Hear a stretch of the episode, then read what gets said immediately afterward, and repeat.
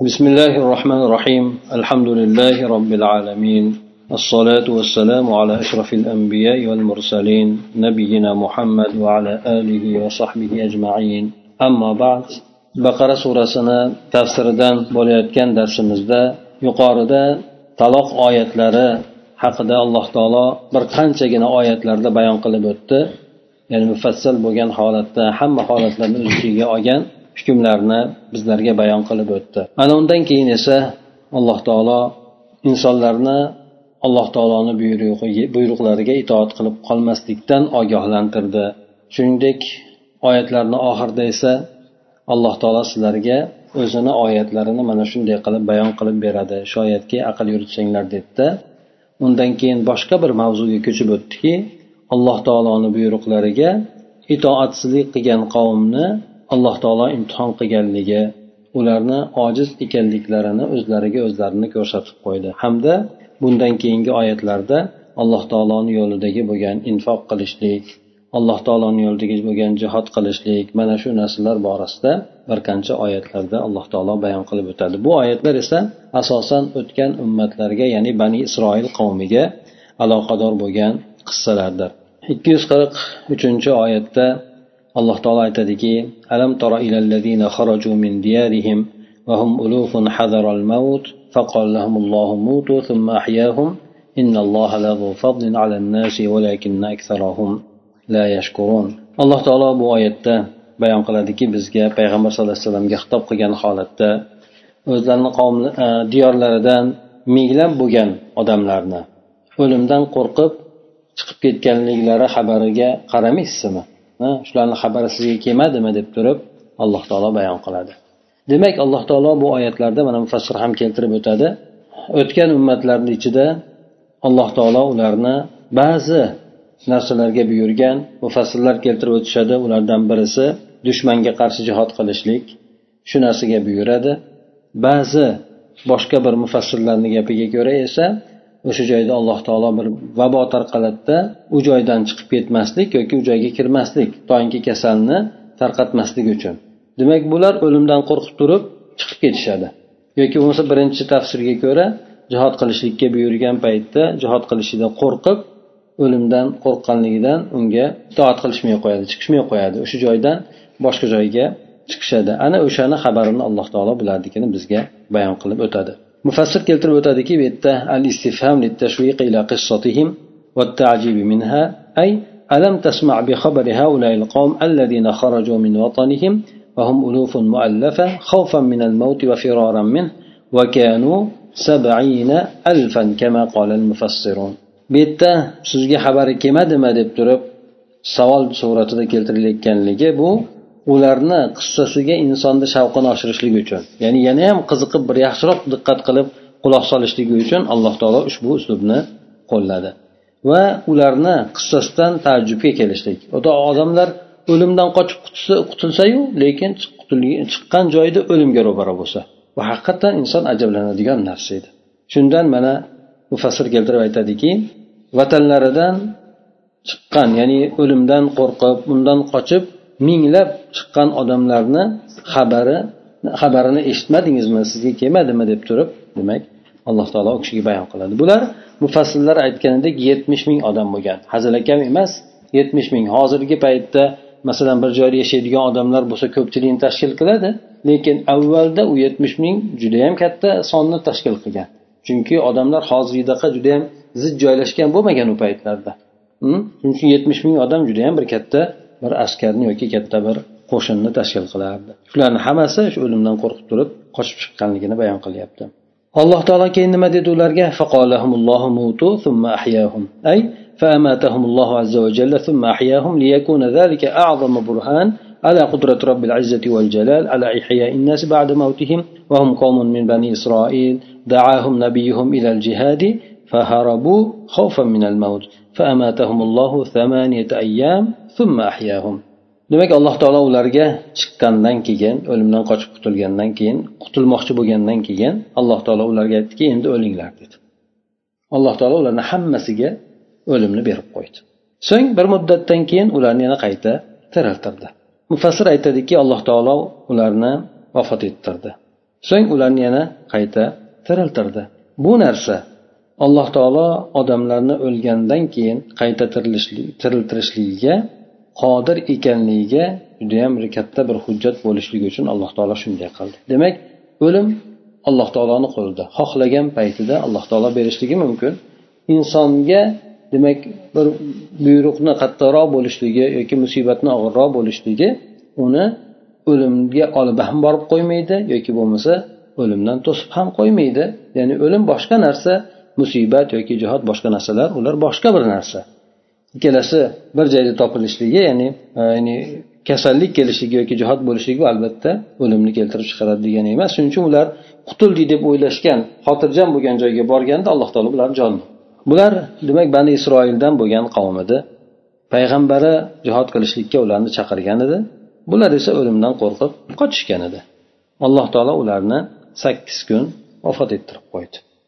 jonini olib hammasini sakkiz kundan keyin yana qaytadan ularga tiriltiradi jonni beradi إن الله لذو فضل على الناس ولكن أكثر الناس لا يشكرون أي إنه سبحانه لذو إنعام وإحسان إلى الناس ولكن أكثرهم يجحدون نعمة الله ولا يقابلونها بالشكر والثناء alloh taolo mashina qilib demak odamlarga judayam marhamatli bo'lgan zot lekin odamlarni ko'pchiligi alloh taologa shukur qilmaydi dedi mufassir keltirib o'tadiki alloh taolo insonlarga shunaqangi marhamatlik inomli bo'lgan zot.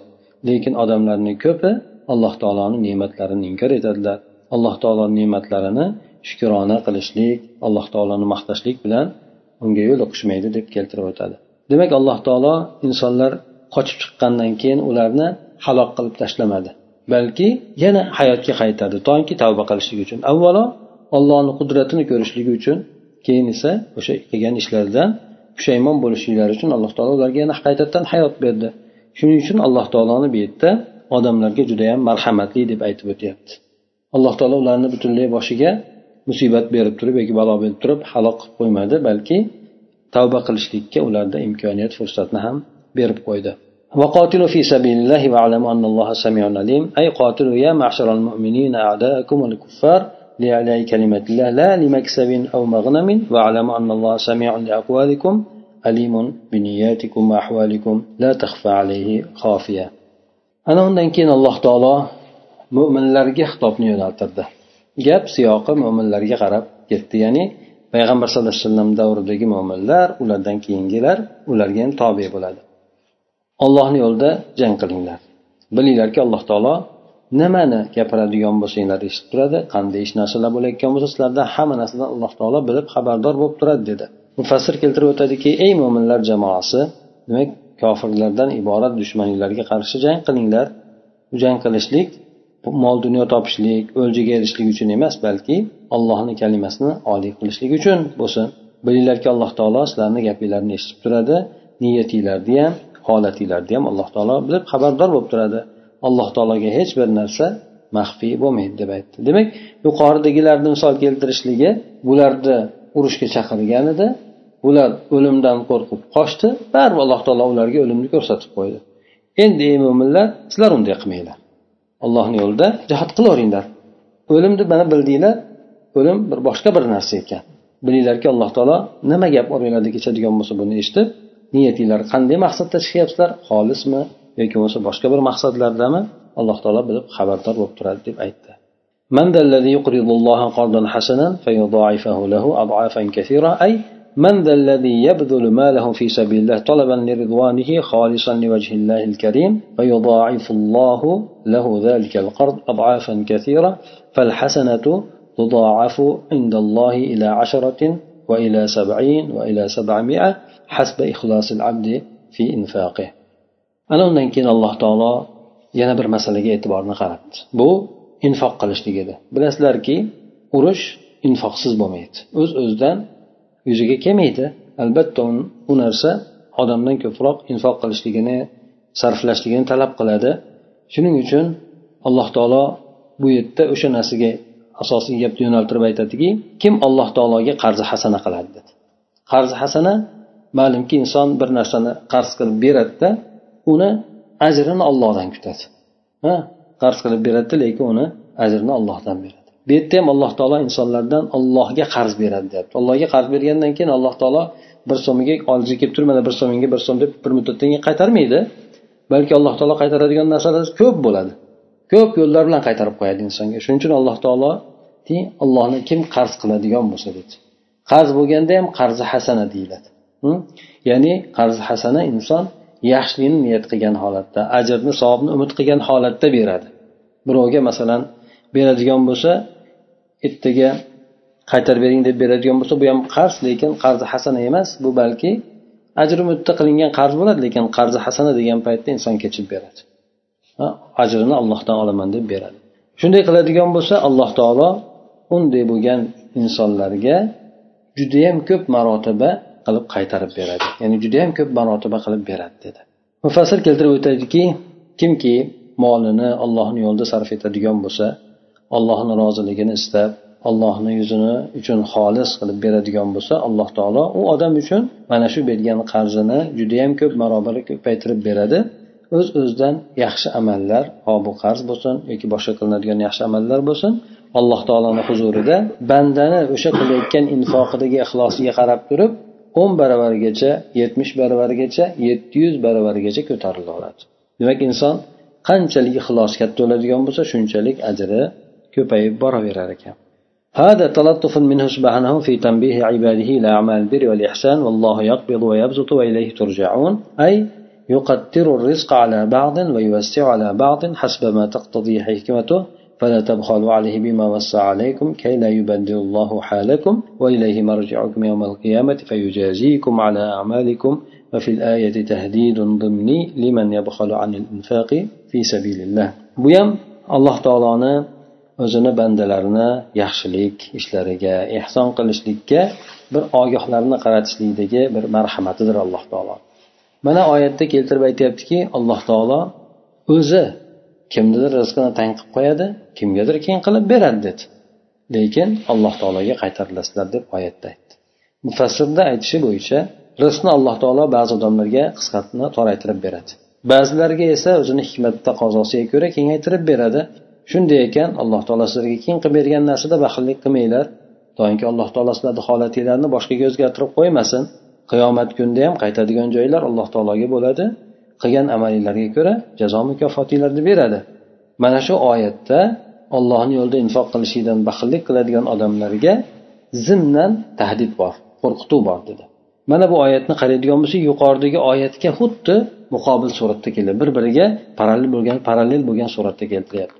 Odamlar o'limdan qochib chiqishganida alloh taolo ularni niyatiga teskari suratda o'limni berib qo'ydi. Ha?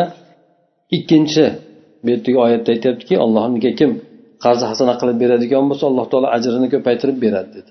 Ajr pul donini bosadimi yo'q ajr pul donini bosmaydi lekin o'zi aslida pul mablag'ni berishda alloh taolo aytadiki olloh xohlaganiga kengaytirib beradi xohlaganiga tang qilib beradi dedi. Demak mablag'ni mol dunyoni kelishigi ham ollohni hikmatiga qarab ekan. O'zi aslida alloh taolo taqsim qilar ekan alloh taolo uni xohlaganiga kengaytirib xohlaganiga toraytirib berar ekan.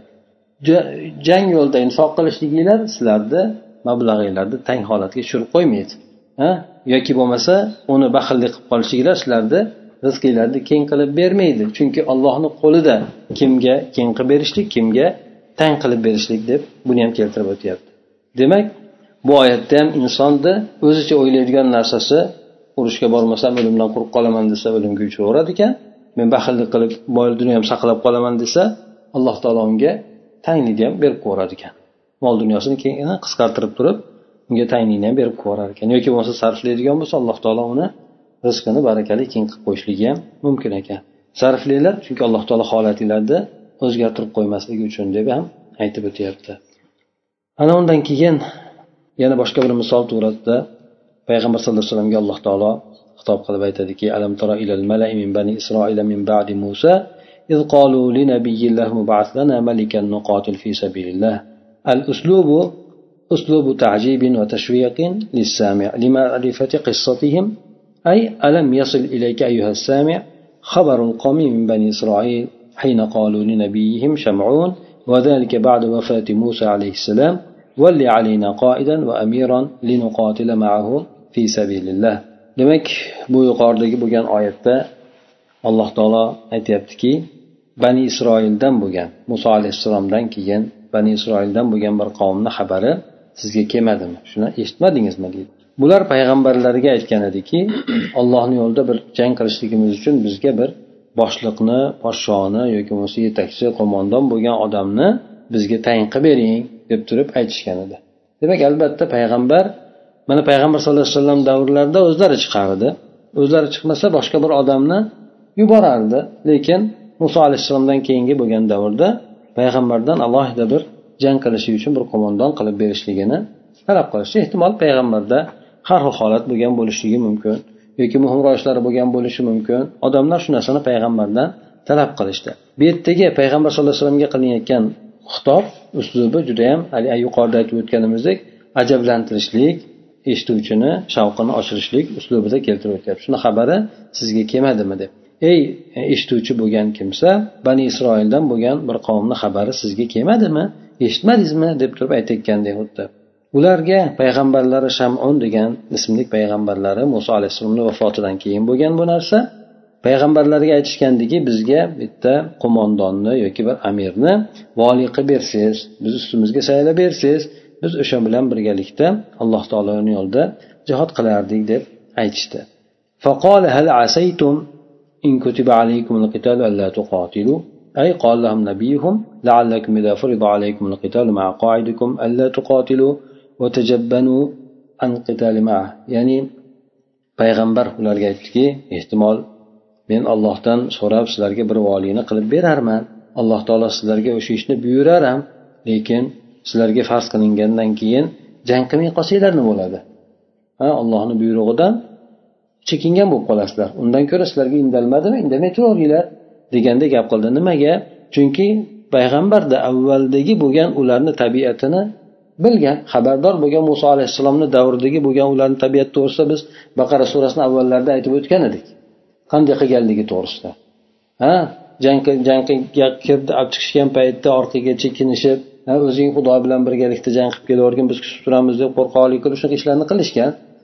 Shundan bu kishi yana ogohlantirdi ho'p sizlarga farz bo'lib qolsa qilmay qo'ysanglar nima bo'ladi mufassir keltirib aytadiki payg'ambar ularga aytdiki ehtimol sizlarga o'sha boshliq bilan birgalikda qo'mondon bilan birgalikda jangga chiqishlik farz bo'lib qoladigan bo'lsa jang qilmay qolsanglarchi o'sha u bilan birgalikda jang qilishlikdan qo'rqoqlik qilib qolsanglar unda nima bo'ladi? deb ulardan so'rab ta'kidlab oldi. قالوا وما لنا ألا نقاتل في سبيل الله وقد أخرجنا من ديارنا وأبنائنا. أي ما الذي يمنعنا من قتال أعدائنا؟ والحال أننا قد ظلمنا فطردنا من أوطاننا وسلبت أموالنا وبعدنا عن أولادنا وكان العمالقة أخذوا ديارهم وسبوا أولادهم. Ular aytishdiki nimaga ekan deyishdi ha biz endi ollohni yo'lida albatta jihod qilamiz. Nimaga jihod qilmas ekanmiz? Biz o'zimizni diyorlarimizdan ham chiqarib tashlandik bola chaqalarimizdan ajratib tashlandik deyishdi. Demak mufassirni gapi bo'yicha aytadiki ya'ni bizni dushmanlarimizga qarshi jang qilishda nima narsa to'sadi? Holat shuki biz mazlum bo'lsak diyorlarimizdan vatanlarimizdan quvg'in qilingan bo'lsak mol dunyolarimiz tortib olingan bo'lsa bolalarimiz bizdan ajratib olingan bo'lsa shunday deb aytishdi. amaliqo ya'ni judayam katta bahaybat bo'lgan odamlar ular ularni diyorlarini olib bosishib olgan edi bola chaqalarini esa asr qilib olishgan edi فلما كتب عليهم القتال تولوا إلا قليلا منهم والله عليم بالظالمين أي فلما فرض عليهم القتال جبن أكثرهم عن الجهاد إلا فئة قليلة منهم صبروا وثبتوا وهم الذين عبروا النهر مع طالوت والله عالم بظلم هؤلاء الناقضين للعهد وهذا شأن الأمم المرفهة مرفهة تطلب الحرب لإثبات الشجاعة فإذا جد الجد جبنوا ومالوا إلى الرفاهية والنعيم ana undan keyin payg'ambarda aytganidek ularga jang qilishlik farz qilingandan keyin bular orqaga chekinib ketishdi o'zlari talab qilishdi jang qilaylik deyishdi bo'pti deb ularga bir muddatdan keyin farz qilingan paytida ular ortga chekinishdi. Ulardan ozchilikgina o'sha buyruqqa itoat qilishdi. Alloh taolo o'sha zolimlarni allohni buyrug'iga itoatsizlik qilgan o'zlariga o'zlari zulm qilgan kimsalarni alloh taolo biladi dedi. Mufassir aytadiki demak ularga jang qilishlik farz qilingach ulardan ko'pi jihod qilishlikdan qo'rqoqlik qilib qolishdi. Judayam ozchiligigina ulardan tik turib berdi. Bular sabr qilishdi sabot bilan turishdi mana shular tolut bilan birgalikda daryodan kechib o'tgan kimsalar edi. Alloh taolo ana shu ahdni buzgan o'zlari ahd qilgandida yo jang qilsa albatta jang qilamiz farz qilinadigan bo'lsa jang qilamiz deb o'zlariga o'zlari ahd qilishgan edi. Ahdlarni berishganda o'sha ahdlariga teskari ish tutgan yoki ahdlarni buzgan odamlarni qilgan zulmini alloh taolo biladi dedi. Mana shunday holat bu judayam maishatxo'rlikka bemalolchilikka kengchilikka berilgan xalqlarni holati mana shunaqa bo'ladi. Ular o'zlari shijoatini ko'rsatib qo'yishlik uchun ha shijoatlimiz deb bildirib qo'yishlik uchun urushni talab qiladiyu lekin ish jiddiylik qarab ketadigan bo'lsa qo'rqoqlik qilishib o'sha maishatxo'rligiga o'sha o'zlarini ne'matlariga ya'ni mulk o'lchiligiga moyil bo'lib ketib qolishadi. Ya'ni urushni qiyinchiligini xohlashmay qoladi qo'rqoqlik qilib qolishadi deb aytadi. وقال لهم نبيهم إن الله قد بعث لكم طالوت ملكا. قالوا أن يكون له الملك علينا ونحن أحق بالملك منه ولم يؤت سعة من المال. أي قال لهم نبيهم لقد بعث الله لكم قاعدا شجاعا ماهرا في فنون الحرب. هذا القاعد اسمه طالوت. قالوا وكيف يكون قاعدا وملكا علينا؟ وهو فقير لا يملك المال الذي يجمع القلوب حوله. ونحن أغنى منه أحق وأحق بالملك لقوتنا وشجاعتنا. Ana undan keyin ular odatlariga ko'ra bani isroilni sarkashligi shu ko'ra yana aytishdiki payg'ambari aytdiki alloh taolo sizlarga tolutni podsho qilib yubordi dedi. Podsho qilib amir qilib sizlarga tolut degan odamni yubordi dedi. Ular aytishdiki qanaqa qilib bu bizni ustimizda podsho bo'lishi mumkin? Ha? Mulkka podsholikka biz undan ko'ra haqliroqmiz. Ha? U hech qanaqangi mol dunyosi bo'lmasa deyishdi. Payg'ambar ya'ni ularga aytdiki alloh taolo sizlarga shijoatli bo'lgan bir qo'mondonni yubordi. Urush ishlarida sohasida judayam mohir bo'lgan shijoatli bo'lgan qo'mondonni sizlarga yubordi. Bu qo'mondonni ismi tolut deb aytdi. Ular aytishdiki qanday qilib bu bizga qo'mondon bo'lsin podsho bo'lsin amir bo'lsin u mol dunyosi yo'q bo'lgan bitta kambag'al bo'ladigan bo'lsa odamlarni qalbi ham uni atrofida jamlanmaydi to'planmaydi odamlar ham uni oldida deyishdi. Biz undan ko'ra boyroqmiz.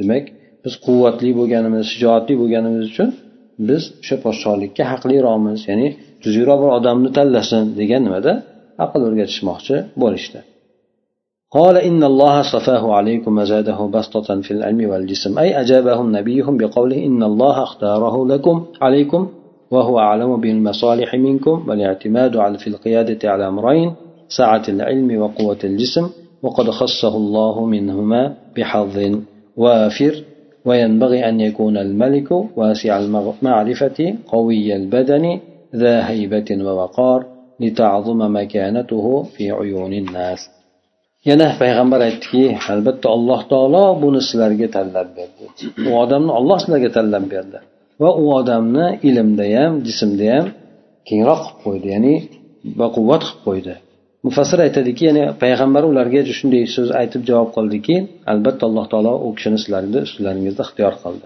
Alloh taoloni o'zi sizlardan ko'ra manfaatinglarni biluvchiroq dedi.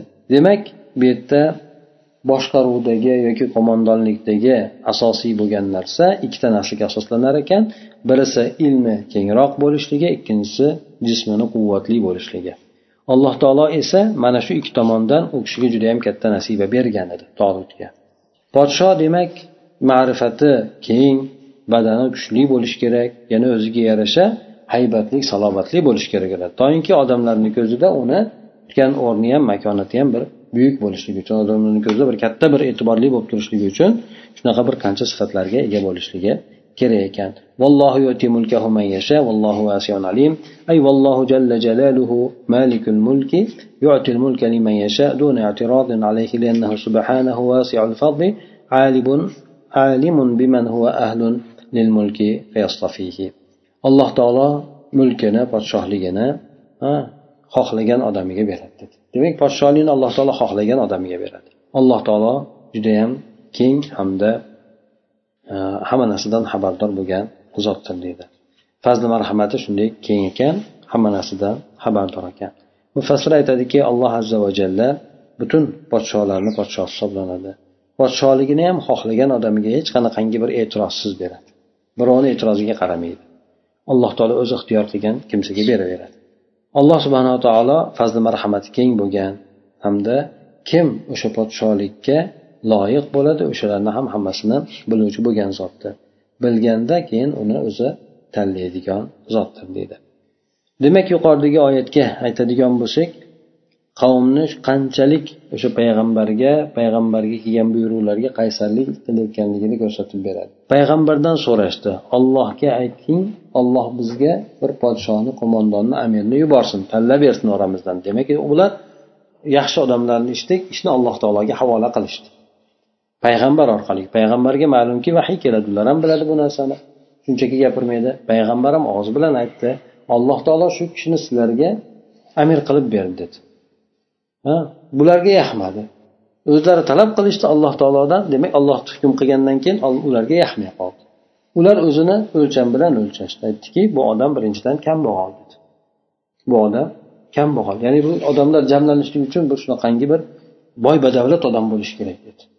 Bular o'zini tushunchasi bilan aytdi ollohga demak qilgan ishiga e'tiroz bildirib alloh taoloni nuqsonlik bilan o'sha ishda nuqsonlik qilganligi bilan go'yoki ayblamoqchi bo'lishdi. Yana payg'ambar qayta aytdi ularga alloh taolo sizlarga bu kishini tanlab berdi dedi.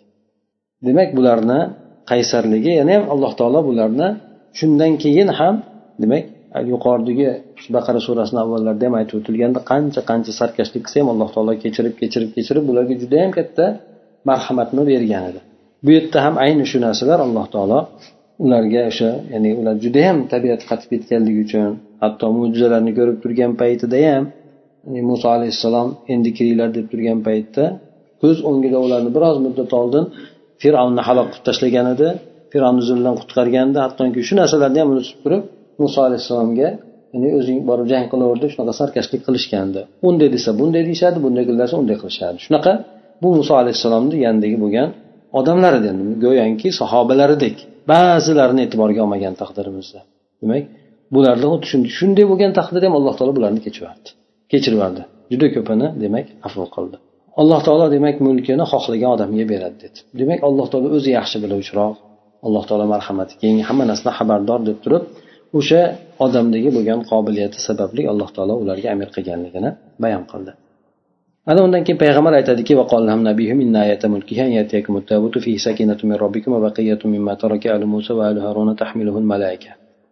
payg'ambar ularga aytdiki uni podsholigini oyat mo'jizasi shu bo'ladiki sizlarga tobut keladi. Tobut ya'ni sondiqcha keladi. Uni ichida robbilaringizdan bir xotirjamlik bo'ladi. O'sha insonlarga beriladigan xotirjamlik bor va yana muso alayhissalomni oilasidan qoldirib ketgan ba'zi narsalar bor. Horun alayhissalomni oilasi muso alayhissalomni oilasi tark etib ketgan ba'zi narsalar bor. Muso alayhissalomni asosi choponi boshqa boshqa shunga o'xshagan narsalar bor. Buni farishtalar ko'tarib keladi dedi. Bu mo'jizani kofirlarga tekkani yo'q. Chunki kofirlar talab qilgan paytida o'zini gapini tasdiqlashlik uchun payg'ambarligini isbot etishlik uchun payg'ambar sallallohu alayhi vasallam kofirlarga mo'jiza ko'rsatardi mo'minlarga mo'minlar payg'ambar alayhisalomni payg'ambarligini isbotlashligi uchun mo'jiza ham talab qilishmagan. Payg'ambar sallallohu alayhi vasallam ham ularga men payg'ambarman deb isbotlashlik uchun mo'jiza ham ko'rsatmagan ularga endi. Shu shu darajaga borishmagan. Ular payg'ambar alayhisalomni eshitayotgan qur'onni yoki o'zi bilan suhbatlar hamma narsadan u kishini payg'ambar ekanligini his qilib bilishardi.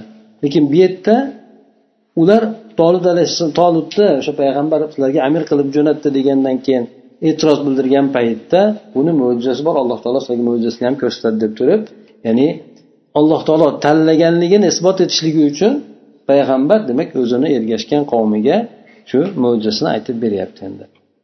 O'sha keltiradigan yana bo'lib ham farishtalar olib kelib qo'yib ketadi dedi. Demak odamlarni ko'zini o'ngida farishtalar olib kelib o'sha sondiqchani qo'yib ketishadi. Payg'ambaridan alloh taolo tolibni tanlaganligiga dalolat qiladigan ochiq bir oyatni talab qilishdi. Demak ular payg'ambarni so'ziga ishonishmadi o'zini ergashganlar. Ularga aytdiki demak uni podsho ekanligini alomati alloh taolo uni tanlab qo'yganligini belgisi bu sizlarga sondiq keladi. Bu sondiqda muso alayhissalom askardan oldin ko'tarib taqdim qilib yurardi. Doim urushga borsa o'sha sandiqni olib yurardi. إذا قاتل الأعداء فتسكن إليه نفوس بني إسرائيل ففي هذا تابوت الطمأنينة والوقار وفيه عصا موسى وثيابه وبعض الألواح التي كتبت فيها التوراة يأتيكم هذا التابوت تحمله الملائكة قال ابن عباس رضي الله عنهما جاءت الملائكة تحمل الطابوت تابوت بين السماء والأرض حتى وضعته بين أيدي طالوت بين يدي طالوت والناس ينظرون muso alayhissalom demak jang dushmanlar bilan jang qilgan paytida askarni oldidan uni taqdim qilib qo'yib turardi. Bani isroilni nafslari ham unga xotirjam bo'lardi keyin ya'ni qanaqangi bir alloh taolo tomonidan ularga xotirjamlik berilardi. Bu tobutni ichida ularga demak xotirjamlik hamda bir salobat beradigan narsalar bor edi.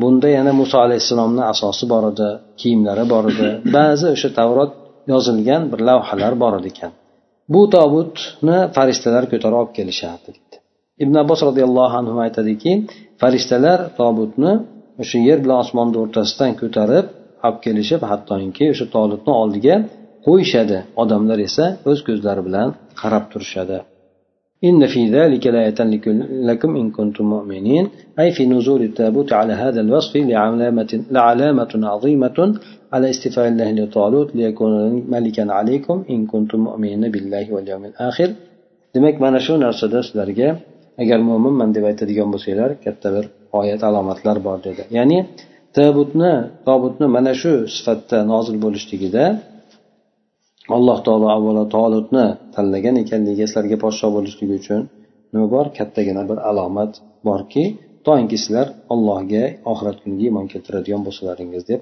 alloh taolo aytib o'tadi. Ana undan keyin jangga chiqishligi jangdagi bo'lgan voqealar haqida gapirib o'tiladi.